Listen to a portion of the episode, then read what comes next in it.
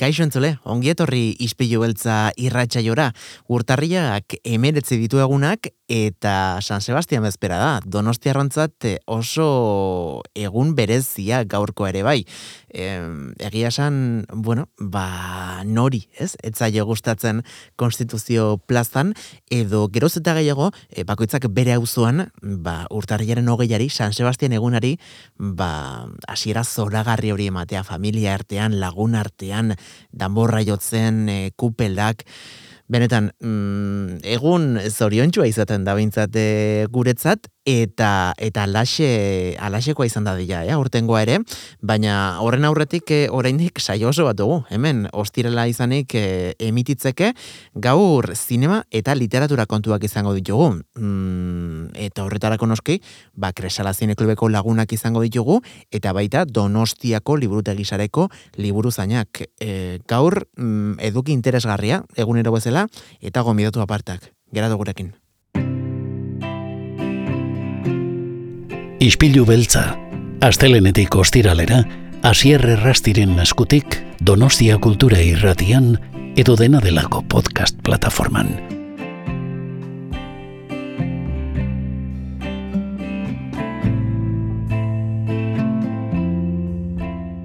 Janet Diaz, ongi etorri gure ispilura. Ongi etorri eta urte berrion. Urte berrion, zer modu zaude Janet? Ba ondo, ja, e, bueno, eurtarrieko programazioan ja murgilduta ja sakon-sakon, osea, que ondo, primeran. Iaia bukatzen, ez? Hasi beztain laster ja, bueno, zuek oporrik ez duzu izan, beraz, e, hortxe jarraitu duzu, astero-astero trueba zinemetan, eta urrengo aste artean ere, em, hogeita iruan, izango da, beste proiektzio interesgarri bat. Bai, interesgarria eta gaina, e, bueno, e, errealitatea ikusiko dugu pantaila handian, ze bueno, Siriako konfliktoa izango dugu pantaila handian, eta gaina, esan bardet, e, Amnistia Internazionaleko kidekin antolatu dugu saio hau, eta bere, e, kiretako bat gurekin izango da, osea, interesgarria al 100%. Beraz, e, Amnistia Internazionalekin kolaborazioan, ez? Antolatuetako ikitaldia da, urrengo aste artekoa. E, ostras, Siriako gatazka politikoa, pff, bueno, politikoa, soziala, kulturala, e, haze gai potoloa ez da, esku artean dakarkizuna.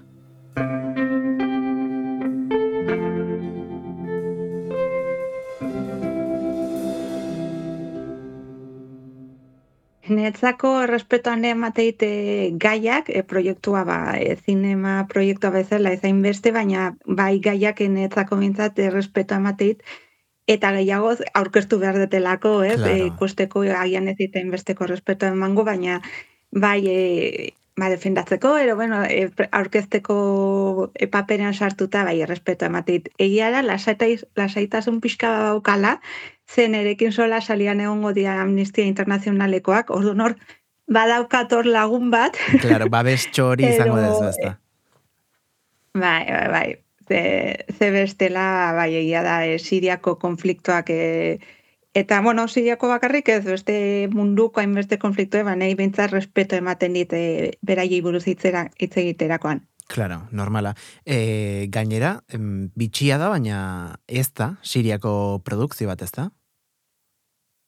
Ez, e, Frantziako produzio bada, gaina e, interesgarria da, ze e, bi zuzendarik e, egindako dokumentalara, bada Stefan Materre, bere filmografian e, ikus daitezke beste Siria, Siriako ero Siriaren konfliktuari buruzko dokumentalak, baina Karans Lekaizne e, bera kazetaria da, eta uste e, ez managoker dela, hau dela bere lehendabiziko dokumentala, ero e, zinema proiektua, osea, e, bai, interesgarria eta kuriosoa, bai.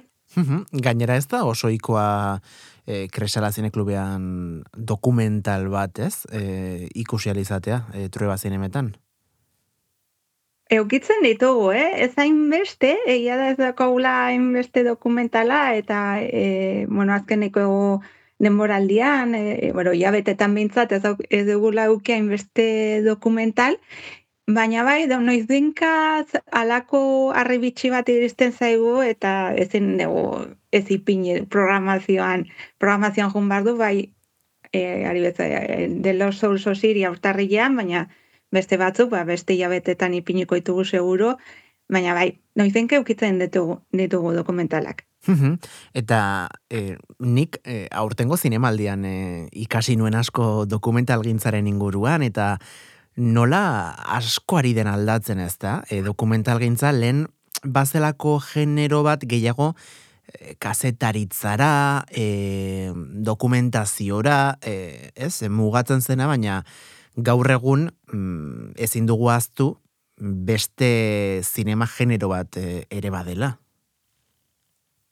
Bai, eta gainea, e, kasu honetan adibidez zer, e, ba, bueno, adibide bezala ipinita, e, e, ba, jende pentsatu ezak ez, e, iruri gogorrak ikusiko ditugu, ez, lehen bat beren olako dokumentalak, ez, e, iruri gogorrak, e, argazkiak, bai. eta kasu honetan egia da, ez dela olako hainbeste iruri e, bideo ikusiko e, ikusleak, niretzako e, eta ez bakarrik e, dokumental honetan ikusietelako, beste dokumental batzutan ebain nabarituetelako, hitzak indar gehiago dula iruriak eta e, argazkiak, ero bideoak baino. Ah, e, bai, e, Karo, dokumental honetan ikusiko ditugu hainbeste jende bere testigintza ematen eta bai abokatu batzuk, beste batzuen testigintzak komentatzen, eta horrek e, hitzak hoien hitzak e, dituen indarrak e, seguruna niri behintzat gertatu zaite. Sakonea sartu eta hor gorputza ikutua geratzen zaizula hasier. Claro. eta hori hitzakin bakarrik. Eta bai e, hau ez da e, bueno hori ez gertatu bakarri dokumental honekin beste batzukin bai gertatu zait hain burura etortzen zaita adibidez e, ander iriarteren e, karpeta urdinak. Ah, bai, eta bai, nabaritzen nahi naiz, e, ba, azkeneko, ikusi dituan azkeneko dokumentaletan, hitzak e, indar gehiago dula e, iruria baino. Bai, ze polita, eh, esaten duzuna, eta e, egia da gainera, dokumental gintzan ere gen, azpi genero asko daudela, ez? E, batzuk e, testigantzetan gehiago inarritzen dira, osea, hitzei e, presentzia gehiago ematen zaie, beste batzuetan adibidez, e, niri etzait pertsonalki gehiagik gustatzen, baina fikzionatzen dira nola baitere ez, mm kontatzen diren bai. errelato hoiek eta bar, e, kasu honetan mm, zer da gehiago, erreportai bat, e, testigantzetan oinarritutakoa, mm, irudia realak daude, fikzionatuak, e, nola dago pixkatea egituratu hau? Bai, dena realitatea ez dago la fikzionatua esaten dezuna, eh? batzutan bai igual teatro bezala egiten dutela aktori batzuk. Bai. E, kasotan ez, e, testegintzak ikusi ditugu, ikusiko ditugu, e, bai bai, e, ba, ari bez kaso honetan ez esar pertsonaiaren inguruan e, ero bueno, berak atea zitun arg, e, oita mazazpi mila argazki inguruan e, abia puntuara hori, eta ikusiko gu bere Cesar nola e, ba, kamarara itzengo du, e, bere testingantza emango du, eta baita ere adibidez, ba, abokatu batzuen bileretan ebai testingintzak e, azalduko dia, ez? Dia, ezakit reportajero, baina, bueno, hor e, egon da alako bidaia bat, reportajantzeko igual bai, ez dago genuke, oain pentsatuta, baina fikzionatua ez, ez dago ez errez. E, esan duzu Cesar dela protagonistetako bat, e, Cesar zer da, e, fotokazetaria edo horrelako zerbait? E? Bai, e, Cesar, e, bueno, itz, e, bueno, itz, e, izen, fik, e, izen hori hartua daka bere ba, ber, benetazko identitatea anonimatuan usteko. Mm -hmm, vale. Enberazan argazkilari bat e, Siriako regimeneko argazkilaria, e, berak e, ba, bere lana zan e, ba, e, hildakoen argazkiak ateatzea, e, torturatuen argazkiak, eta orduan berak momentu baten e, egin zuen zan e, siriatik lortu zuen e, ateatzea e, ba, torturatu eta hil e, pertsona hil hoien e, hogeita, zan, hogeita zazpi mila e, argazki gutxi gora bera e, kantitate hori e, atea zitun siriatik eta Europara e, zabaldu zitun, ez? E, dokumentalen ikusten da nola ba, ba e, webune batean e, ipini zituzten argazkiak ba, e, ba, pertsonoien e, familiek, e, karo, pertsonoiek desagertuak izan dira, orduan familiarrak ba, gugune hortatik lortu du, lortzen airia, ba, pixkanaka, pixkanaka, jakintzer zerbait bere familietakoak ba, zer gertatu zaien, ez? Batu, ba, zoritxarrez ikusiko dute hildak ongo diela, beste batzuk ba, igual torturatuak, ba, bueno, pertsonanek hori izena hartu zun, eta esan dakoa siriatik oita mazazpi parkatu argazki atea zitun eta hor dabil mundu ba, bertan gertatzen, sirian gertatzen dena salatzen. Ostras, ez, eh?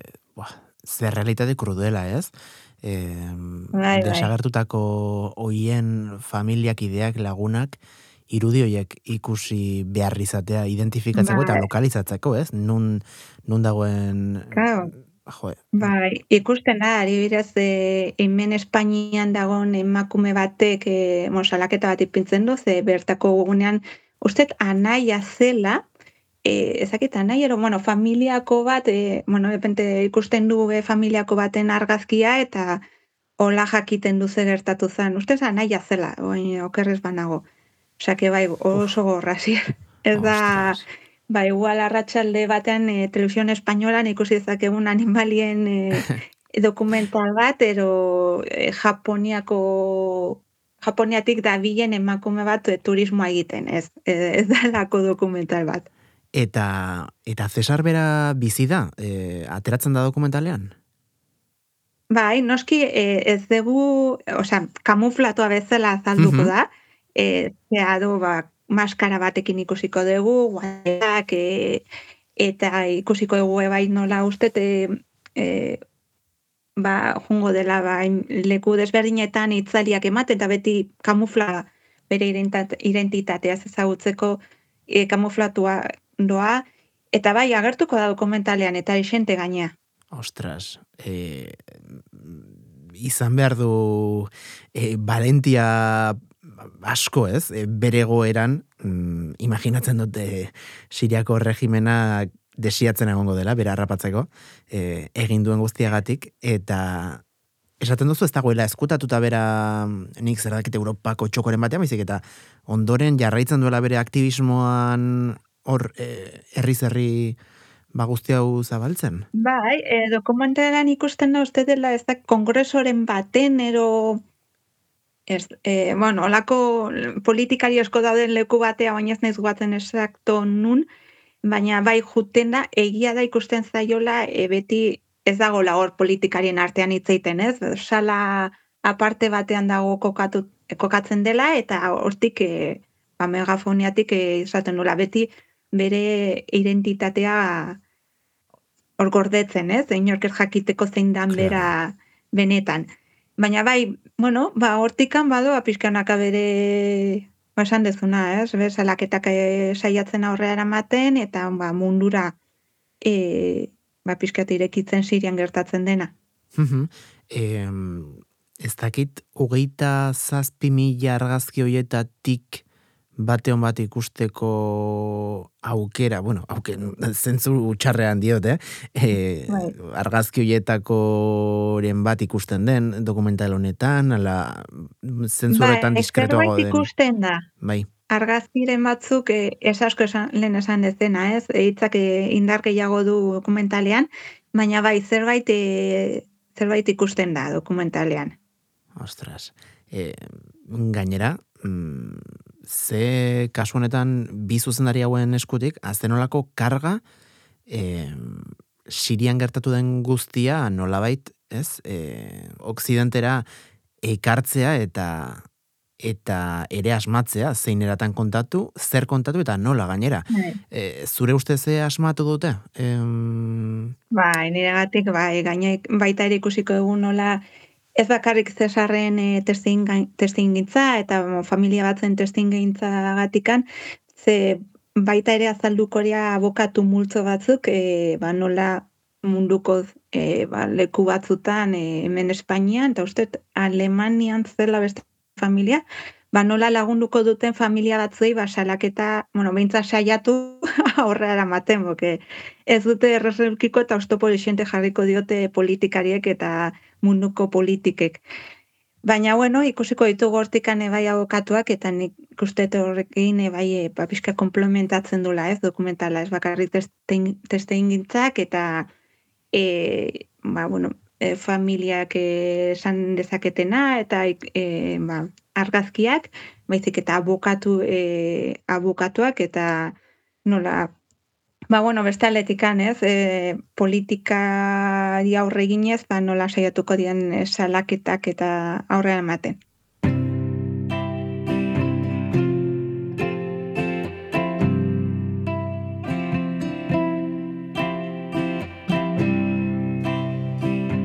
Jo, ba, The Lost Souls of Syria du izena dokumental honek, Egia esan alde batetik e, beldurra eta guzti ematen du, eh? horrelakoak ikustea, baina baina beste alde batetik e, ez garrantzitsua den, ez? Horrelako dokumentalei hautsa ematea, dokumental hauek laua izetara zabaltzea, eta, mm. eta hortan arituko zarete zuek e, datorren aste artean, urtarriaren hogeita iruan e, Amnistia Internazionaleko kidekin batera, arratsaleko zazpiterdietan izango da ez da, e, zinema, trueba ba.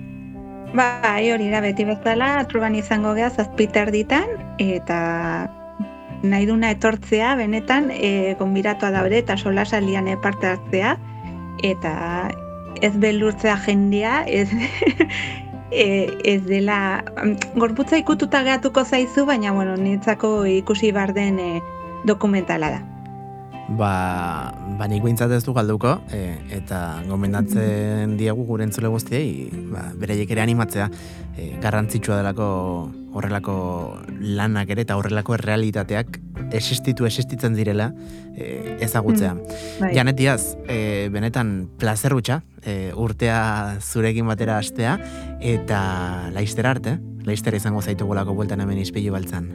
Hori, seguro, hori Ispilu beltza, astelenetik ostiralera, asier errastiren askutik, donostia kultura irratian, edo dena delako podcast plataforman.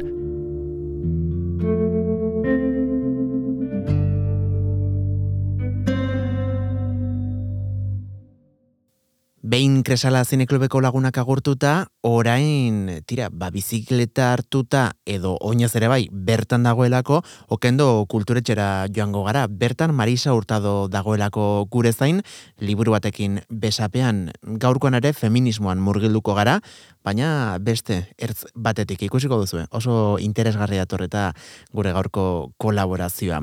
Horren aurretik baina, tira, aste honetan sekulako arrabotsa, eh? sortu duen diska baten kantu bat entzungo dugu. Azkenean, eh, hainbat urteren ostean, zemat urte ez dakit, bi hiru izango dira, errex, lau agian, eh, baitzuli delako, gorka urbizu. Gorka urbizuk kaleratu duelako, bere bakarkako lehenengo lana, hasiera bat izena duena, eta guk orain jarraian estudioko lan horren lehen kantu entzungo dugu, maitasun bat izena duena.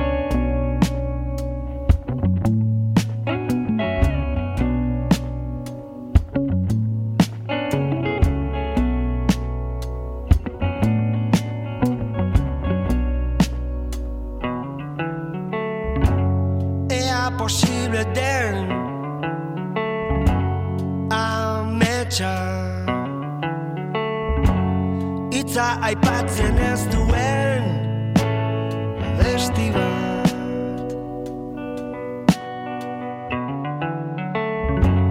Betetzeko denak. Agian. Zertan eman duzu zure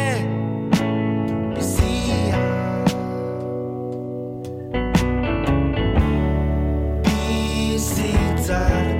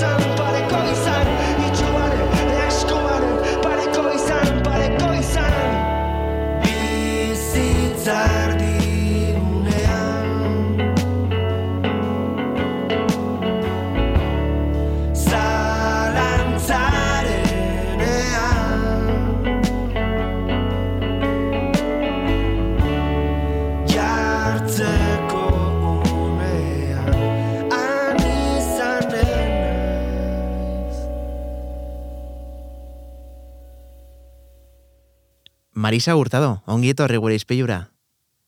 Eskerrik asko, Asier. Urte berrión, Marisa, ¿qué tal estás? Berdín, pues muy bien, ya sabes que yo siempre contenta cuando vengo con vosotros. Pues mira, es recíproco porque nosotros también eh, estamos encantadas de que, de que estés aquí porque siempre nos traes eh, libros y propuestas mm, diferentes, arriesgadas y como algún día hemos hablado, incluso incómodas también. Efectivamente, como va a ser el caso de hoy. Hoy también nos traes una, una de esas propuestas que a lo mejor a más de una le remueve el estómago. O a más de uno, O más de uno. en este caso. Sí, sí. Eh, Probablemente, pero eso está bien también, ¿eh? Remover la conciencia, oye, eso te hace sentirte viva o vivo. Sí, sí, totalmente, totalmente. Eh, Marisa, ¿qué tal has entrado en el 2024? ¿Con buen pie? Pues sí, he hecho todos los rituales sabidos y por haber, porque oye, pues si alguno es funciona, pues porque lo quiero quiero ese, ese buen funcionamiento. No, con buen pie, pues siempre con la ilusión, ¿no? Cuando se empieza algo, aunque sea tan tan así, tan de costumbres, pues dices, a ver si este año puedo hacer esto, las, los propósitos esos que haces, ¿no? Luego no sabes si se cumplen o no. pero de primeras con ilusión, claro que sí. Yo este año ya he desistido. Eh, ¿Ya has desistido? No. que con los propósitos joven. digo, mira, no, no, no. Porque yo digo, eh, ¿para qué voy a hacer yo propósitos? Sí, al final, eh, como le escuché a, una persona, eh, la vida no, no empieza ahora, sino que sigue, continúa, no, no para nunca. Entonces, venga, pues eh, propósitos hoy mismo, eh, a día 19 de enero, ¿por qué no? Pues sí, no, no, eso es verdad también. Claro. ¿eh? Pero Y- bueno, por entrar en el juego del grupo, nada más. y uno de los propósitos que yo tengo para este año sí que es Sí. leer más. Eh, y me gusta precisamente el género o la temática que sueles traer tú. Bueno, temas nos traes eh, diferentes, pero es verdad que a mí la ficción como tal en la literatura no es una de las que más me, bueno, me apasiona. Prefiero leer eh, historias reales o, experiencias eh, bueno, de todo tipo.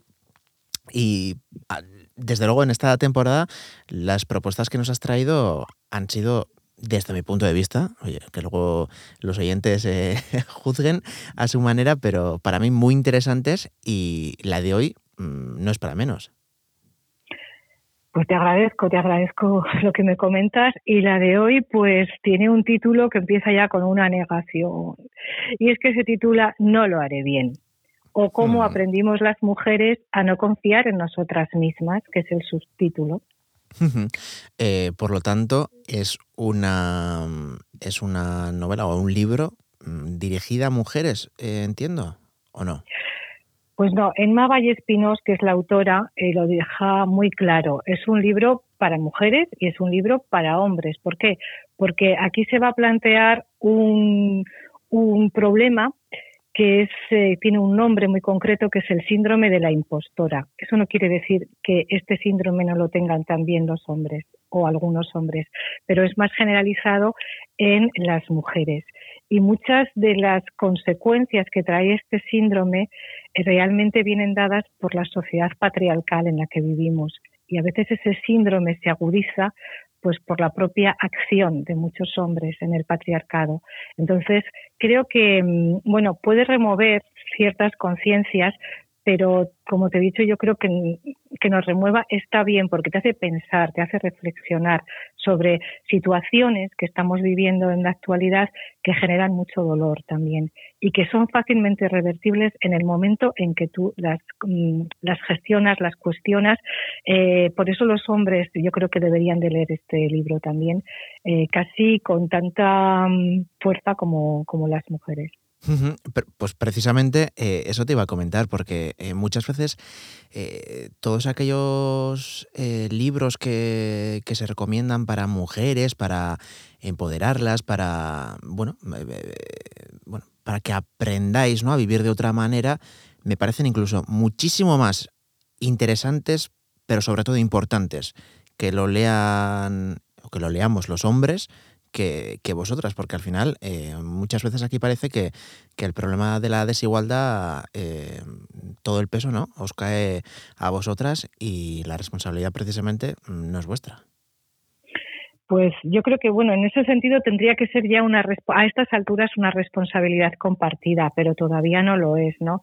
Entonces, yo creo que es muy importante que los hombres comprendan cómo vivimos las mujeres en sociedades patriarcales, que prácticamente son todas las del planeta, ¿no?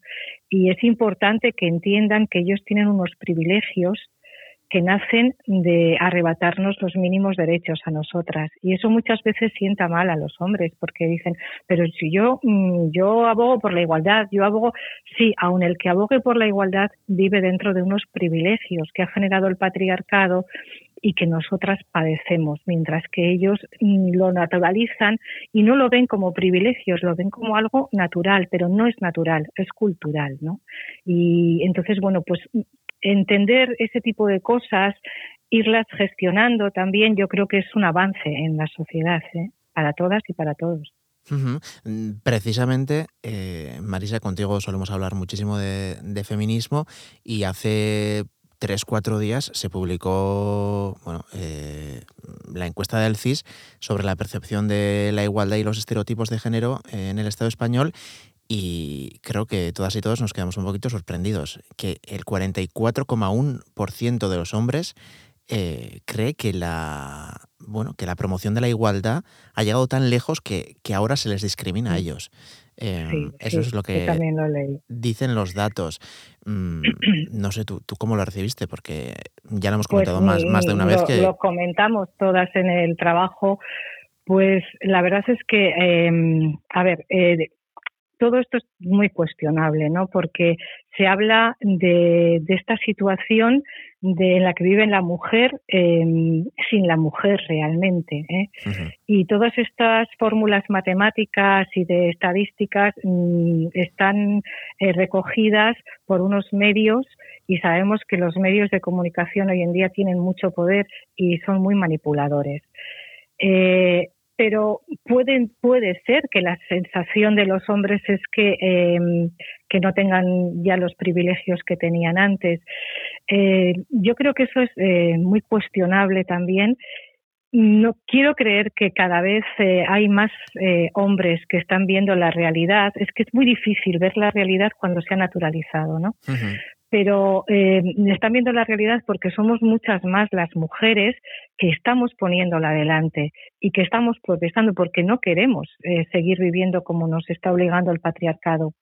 Entonces ahí también hay eh, otra cuestión que habría que tener en cuenta y esto mm, se me ocurre a mí, es mi opinión, ¿eh? no, es, no es del libro que estamos que vamos a hablar, y es que en nuestras sociedades eh, eh, occidentales, en concreto, yo no hablo ya de las de las otras, eh, ha habido eh, o está habiendo una involución del pensamiento político. Eh, tenemos a Trump eh, ultraconservador, tenemos a Bolsonaro que llevó a Brasil al, al horror, eh, tenemos a, a esta, la Meloni en Italia, tenemos a la Marie Le Pen, que son personas, eh, y tenemos aquí a Vox. Vox, antes de finalizar el año, comentó que aquí no existía violencia de género, que qué estábamos diciendo las, las feministas. Y eh, justo lo dice el día que salía la estadística de que llevaban ya eh, 47, 48 mujeres asesinadas por sus parejas. Es decir, eh, hay una ideología neofascista que utiliza las, los fake news, o sea, las mentiras, para generar falsas verdades y manipular a la gente. Entonces, yo todo este tipo de información que está llegando ahora, eh, yo la pondría siempre en entredicho. Y creo que lo que es importante, más que esa información que te llega, es seguir eh, eh, peleando en la educación, seguir peleando en, en la sociedad, seguir peleando desde la cultura, pues para que esa igualdad que es necesaria y obligatoria llegue. Y no me voy a hacer caso ya de ni de prensas ni de yo yo en particular no me hago mucho caso porque está muy mediatizado todo y con muchos intereses espurios por detrás. Entonces bueno mm, yo mm, voy como el caminito por de las cabras. Por aquí hay un caminito y ese es el que tengo que sí sí ese es el que tengo que ir eh, esto y hace falta cambiar la educación porque por ejemplo eh, las niñas y los niños eh, no tienen los mismos referentes eh, tú vas todavía a día de hoy y la, los niños ven que eh, cuando dan clases hay científicos, hay literatos, hay filósofos, las niñas no tienen referentes femeninos. ¿Eso qué llegas a pensar? Que no han existido porque las niñas son inferiores o porque las mujeres son inferiores, ¿no? Y la verdad es que ahora sí que está habiendo un movimiento de visibilización de las mujeres en todos los campos. Y esa visibilización tiene que llegar a la escuela para que las niñas vean que hay científicas, que hay filósofas, que hay escritoras y tener referentes. Con esos referentes, ¿qué haces? Pues que tú te empoderas como persona, ¿no? Entonces, quiero decir que es un trabajo del día a día. A mí lo que me cuenten ya las, los medios a mí personalmente no, no me interesan porque hay mucha manipulación detrás en un momento en que el pensamiento mm, se está convirtiendo en ultraconservador, ¿no? Entonces, Oye, Marisa, ¿por qué no te metes en política? Habla- hablas tan bien y, y tienes las ideas tan claras que de verdad da gusto.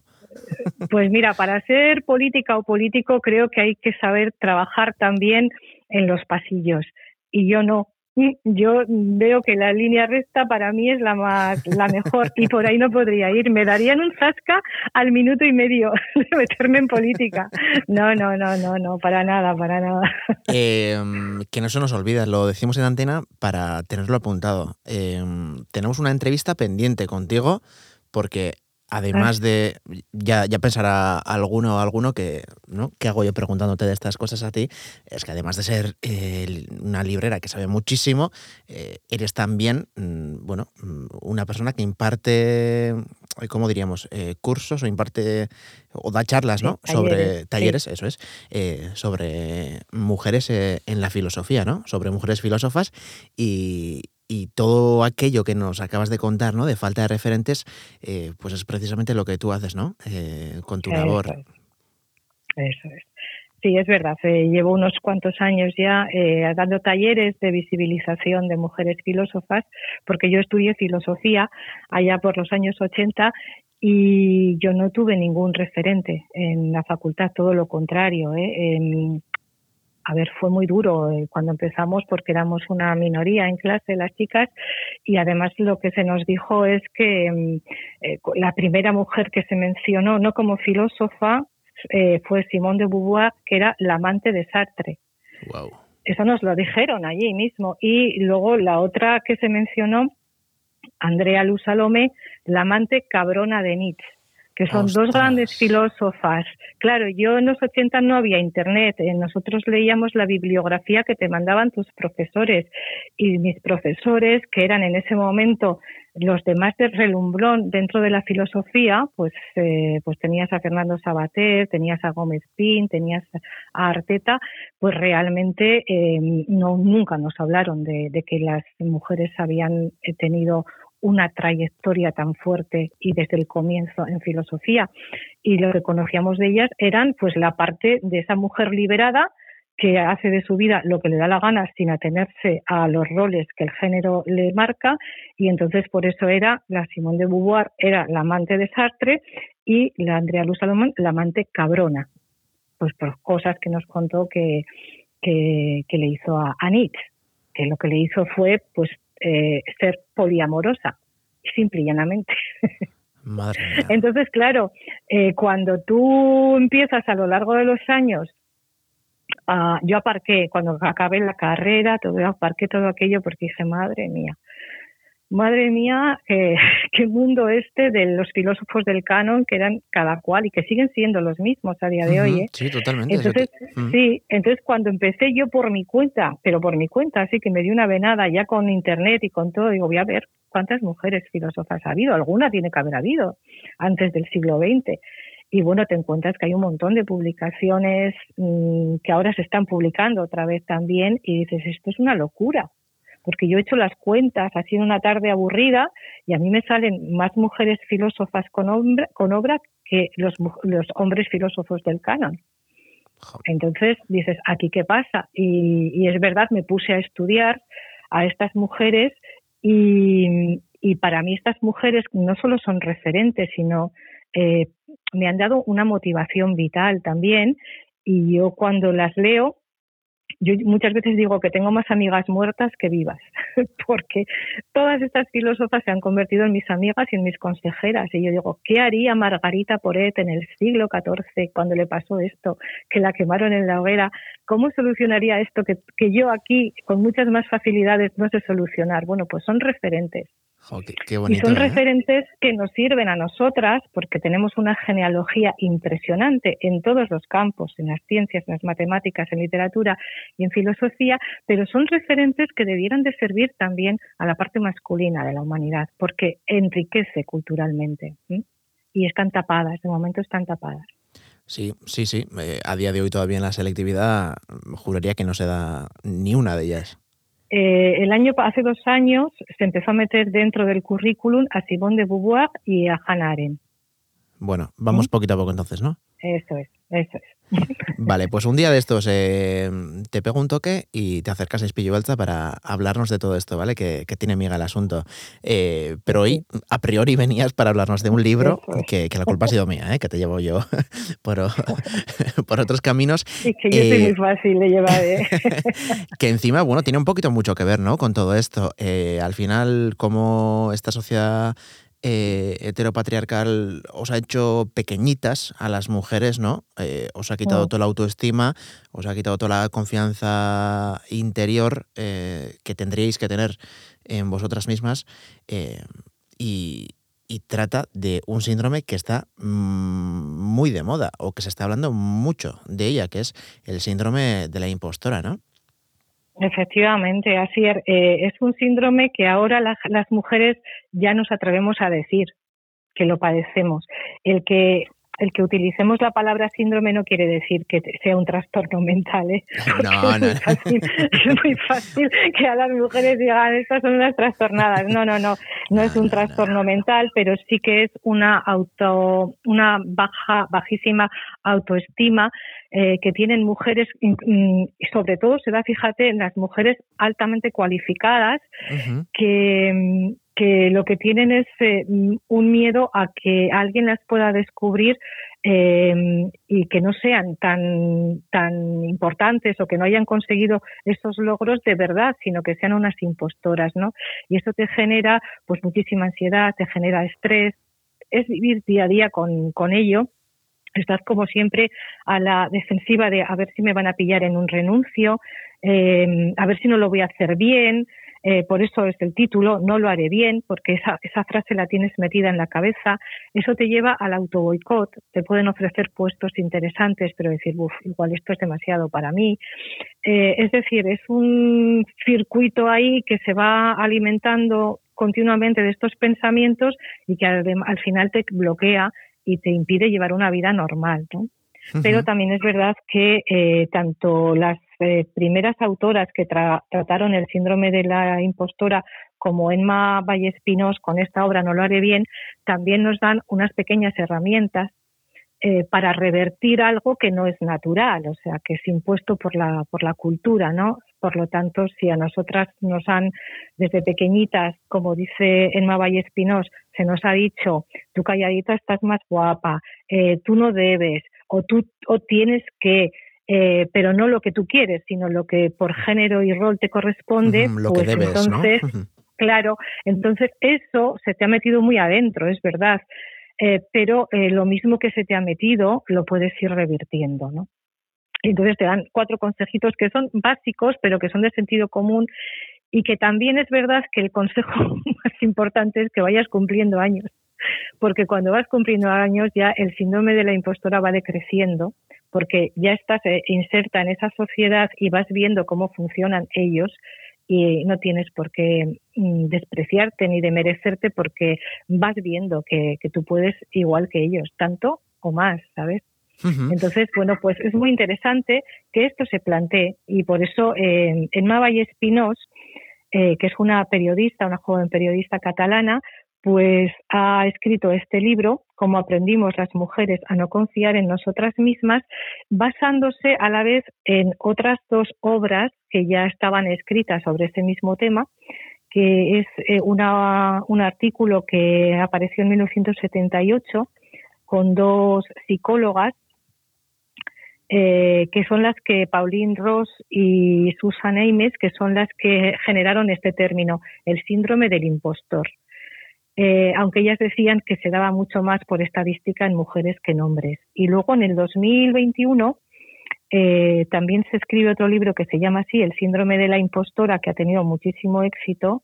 Se ha traducido a 13 idiomas y bueno, es una de las obras más, más vendidas en el 2021, que está escrita también por dos psicólogas eh, analistas y eh, que es un ensayo eh, que analiza pues eso, las causas mmm, y las consecuencias de la falta de confianza en las mujeres, ¿no? Y también da pues unas herramientas para superarlas.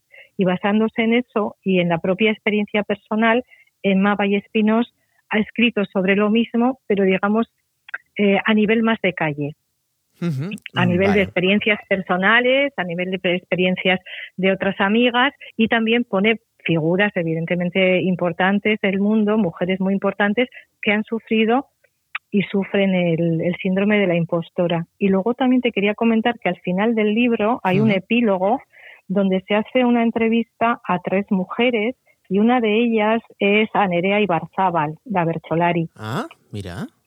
Sí, y bueno, que ella ya sabes que formó parte de las de las Bercholaris que, que entrevistó luego Usua Alberdi y Sí. que escribió luego la obra esta de reverso en castellano y de mm, eh, cómo era eh, Sí. en Eh, esta Estoy viendo la portada, pero no me viene el sí. título. Sí, eh, sí, ahora mismo tampoco me viene, ya me vendrá. Y entonces ella participó en la obra esta de Ushu Alberdi, pues eh, explicando pues lo mal que lo pasan las mujeres bertolaris en un mundo muy masculinizado y Nerea Ibarzabal, que ha tenido un montón de premios, eh, pues, pues en esta entrevista también confiesa, es muy interesante, ¿no? Son entrevistas muy cortas, pues donde desde los 12 años tiene esa inquietud de ser bertolari y cómo pues sufre muchísimo, sufre muchísimo porque siempre está pensando en qué pensarán ellos, en que igual la van a criticar, eh, no se atreve a ver luego sus vídeos por ver los errores, entonces es un machacarse muy fuerte siendo una mujer, pues, imagínate, Nerea Ibarzabal es una de las mejores Bertolaris de la historia. Entonces, bueno, pues pues al final también te vienen eh, estas peque- pequeñas entrevistas para ver que grandes mujeres pues pues también lo sufren, ¿no? Que es un problema que padecemos la inmensa mayoría. Oye, pues qué, mm, qué bonito, ¿no? Eh, también que tenga este extra, ¿no? Eh, al final del libro. Eh, Mm. Te quería preguntar de qué manera, ya has dicho un poquito a nivel un poco más coloquial, a nivel más de calle, Sí, sí. pero a qué, desde qué enfoque trata Valle Espinos el tema. Quiero decir, es un libro mm, más que podríamos catalogar, aunque a mucha gente no le gusta, de autoayuda, que nos puede dar herramientas directas para, para afrontar un- una realidad, o, o es más para informarnos sobre, sobre este síndrome y, y, bueno, decir, ah, vale, lo que me está ocurriendo es esto. Y le pongo nombre, le pongo apellidos y... Pues mira, ¿Por te dónde voy a los contestar tiros? Hmm. con las propias palabras de Emma Vallespinos en el prólogo. Y así nos queda clarito. Pues genial. Dice, esto no es un libro de autoayuda. Aquí no encontrarás soluciones ni recetas mágicas, ni siquiera 10 tristes trucos para dejar de sufrir. Espero poder ofreceros algo mejor que consejos facilones. Espero daros razones para enfadaros. Sí, este es un libro para enfadarnos juntas, para que suceda lo mismo que cuando en una reunión de amigas o en una sobremesa con compañeras de trabajo nos invade la rabia. Necesitamos esa rabia, la rabia que nos abre los ojos y nos hace combativas. Poner nombre a nuestros problemas, identificarlos, comprobar que son compartidos es el principio de algo poderoso. Joder. Pues con eso te contesto. Sí, co- con esto ya, ya entendemos perfectamente un poquito por dónde van los tiros, ¿no? Eh, al principio has dicho que nos puede o nos podría remover el estómago un poquito. eh, lo confirmas, ¿no? Lo confirmo. Eh, el- en el prólogo, en realidad, es un- una declaración de intenciones de lo que vamos a, a ir leyendo, ¿no? Y, por ejemplo, en el me ha hecho gracia porque trata temas muy duros, por ejemplo, eh, lo que ocurrió con, con la violación de la manada y cómo los jueces al principio ni quisiera ni siquiera quisieron tomar aquello en serio porque consideraban que la tía bueno pues eh, bueno pues se metió eh, ella sola en el berenjenal no y en lugar de ser víctima se convirtió en victimaria. Luego la cómo reaccionó la, la población. Y eso eh, tal como lo está contando ahí es muy duro. Pero luego también en otros capítulos utiliza el humor para tratar temas duros también, pero ya eh, es, es muy interesante. Y mira, por ejemplo, en el capítulo 7 se titula Curso Express de Mice Planning o de Macho Explicador, ¿no? Y dice, y en este curso de Macho Explicador es para los hombres, para que sepan los ocho mandamientos que tiene que tener un macho explicador. y el primero es, interrumpe, con esto conseguirás dos cosas, hablar tú y romper el hilo argumental. El segundo, pontificar. Si conversas con una mujer experta en una materia, deberás utilizar frases como eso no es como tú dices o estás muy equivocada. Y si ella insiste y contraargumenta, tendrás que decir, no tienes que ponerte así, mujer. El tercero es, sé condescendiente. Niégate a escuchar eh, cualquier razón de peso practica el paternalismo. Eh, ¿Qué más da no ser un experto a la hora de explicar a una ingeniera aeroespacial la mecánica de un avión? Tú explícasela. Haz traducción simultánea. Explícanos lo que queremos decir. Bueno, pues así hasta ocho. Qué buena. Y la verdad es que está muy bien, porque yo no te digo las ocho, pero sí hay gente de tu al propio alrededor, hombres estupendos que eh, tienen tan metido el patriarcado dentro que sí que te hacen este tipo de cosas. Joder. Sí que te las hacen y, y es gente de al lado, quiero decir que no hace falta irse muy lejos, te los encuentras al lado y encima con la mejor intención, que ese es el tema. Claro, ese es ese el tema, es el porque problema de fondo. Claro, Claro, cuando tú le rebates y dices, oye, tío, que me estás haciendo aquí de, de maíz-plan y me estás explicando lo que yo te acabo de decir, pues, pues oye, chica, ¿cómo te pones? Mm, Pues es que hay que mm, ponértelo claro, o sea, no, no lo estás haciendo bien y eso remueve, por eso remueve, ¿sabes? Porque eh, nosotras también tenemos que, como dice Valle Espinos, hay que actuar ya desde la rabia, porque es lo que nos hace que nos movilicemos, ¿no? Y tú contestar a alguien a veces desde la rabia, pues a esa persona lo que lo que provoca también es rabia, ¿no? Y yo creo que lo que deberíamos de hacer es eh, tener pararnos todos un momentito y decir, mira, esto es lo que pasa, así se puede solucionar y no te sientas con eso que te estoy quitando privilegios, simplemente estoy cogiendo un poco de derechos míos, ¿no? Seríamos una sociedad muchísimo, con todo lo que nos está ofreciendo aquí eh, Espinos, seríamos una sociedad más feliz, más equitativa, más igualitaria, ¿no? Y nos daría más felicidad. Es simplemente conseguir eso, pero no conseguir eh, la felicidad solo una parte de la población, sino que podamos llegar todos a un, a un bienestar equitativo, ¿no? Por eso es muy interesante cómo lo trabaja ella, a veces desde el dolor, a veces desde el humor, y vas pasando las hojas sin darte cuenta. O sea que mm, realmente, aunque nos mm, pueda conmover, nos pueda remover un poquito eh, las tripas, es fácil de leer, ¿no? Eh, Sí, no tiene sí, un sí, idioma complicado, no.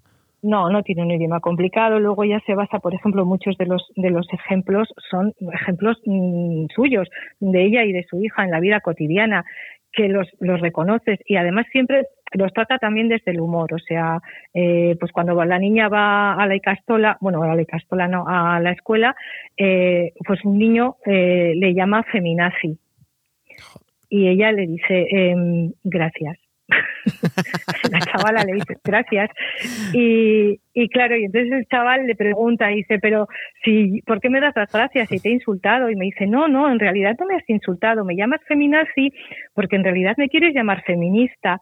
Y si me llamas feminista eh, tienes que entender que lo que luchamos las feministas es porque estamos todos iguales. Me estás llamando que soy igualitarista. Oye muchas gracias. Oye una cría de 11 años Qué bueno. Claro, teniendo la madre que tiene, también argumenta así la chavala, ¿no? Pero bueno, pues, pues te cuenta cosas de- del día a día, ¿no? Y también te cuenta cosas que cuando ella esto lo habla en la radio, porque ella trabaja para la cadena SER, luego recibe mucho odio en las redes. Hombre, me imagino. Eh, Todo esto claro, no es dice, gratuito. Meterse no con los es hombres y salirse ¿eh?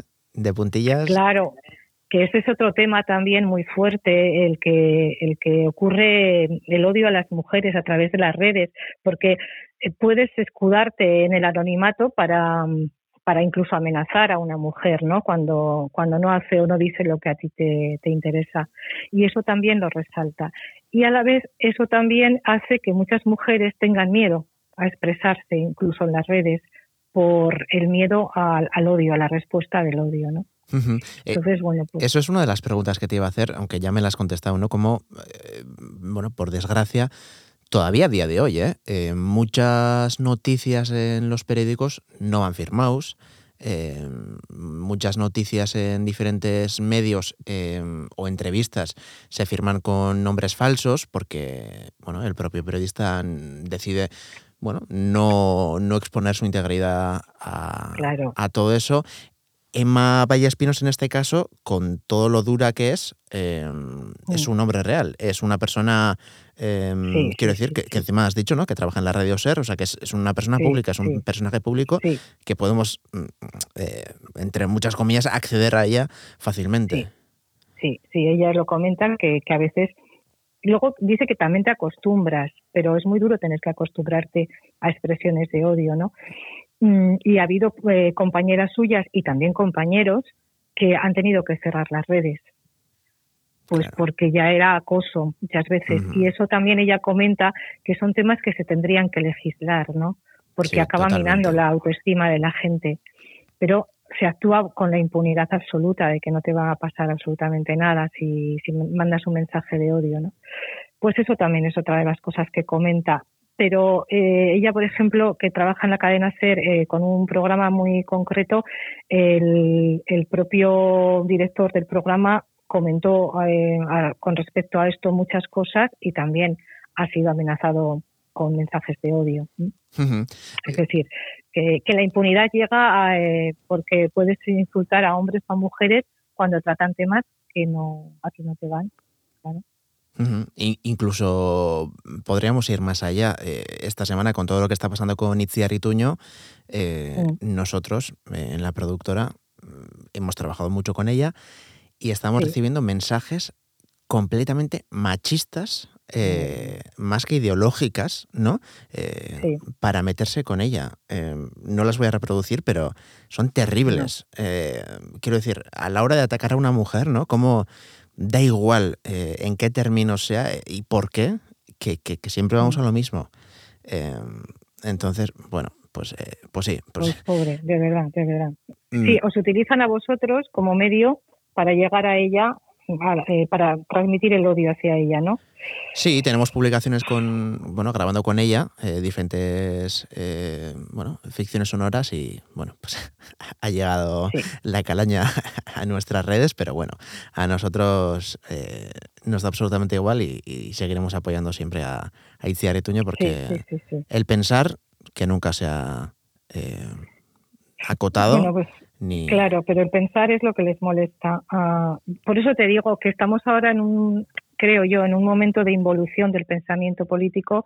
Ya no se aboga por la libertad y por la igualdad, sino eh, eh, se utilizan las, los fake news, se utilizan las falsas noticias para tirar por tierra a la otra persona. O sea, ya no se argumenta No, en absoluto. ni se contraargumenta, simplemente es el insulto, la voz más alta que otra, el fake news.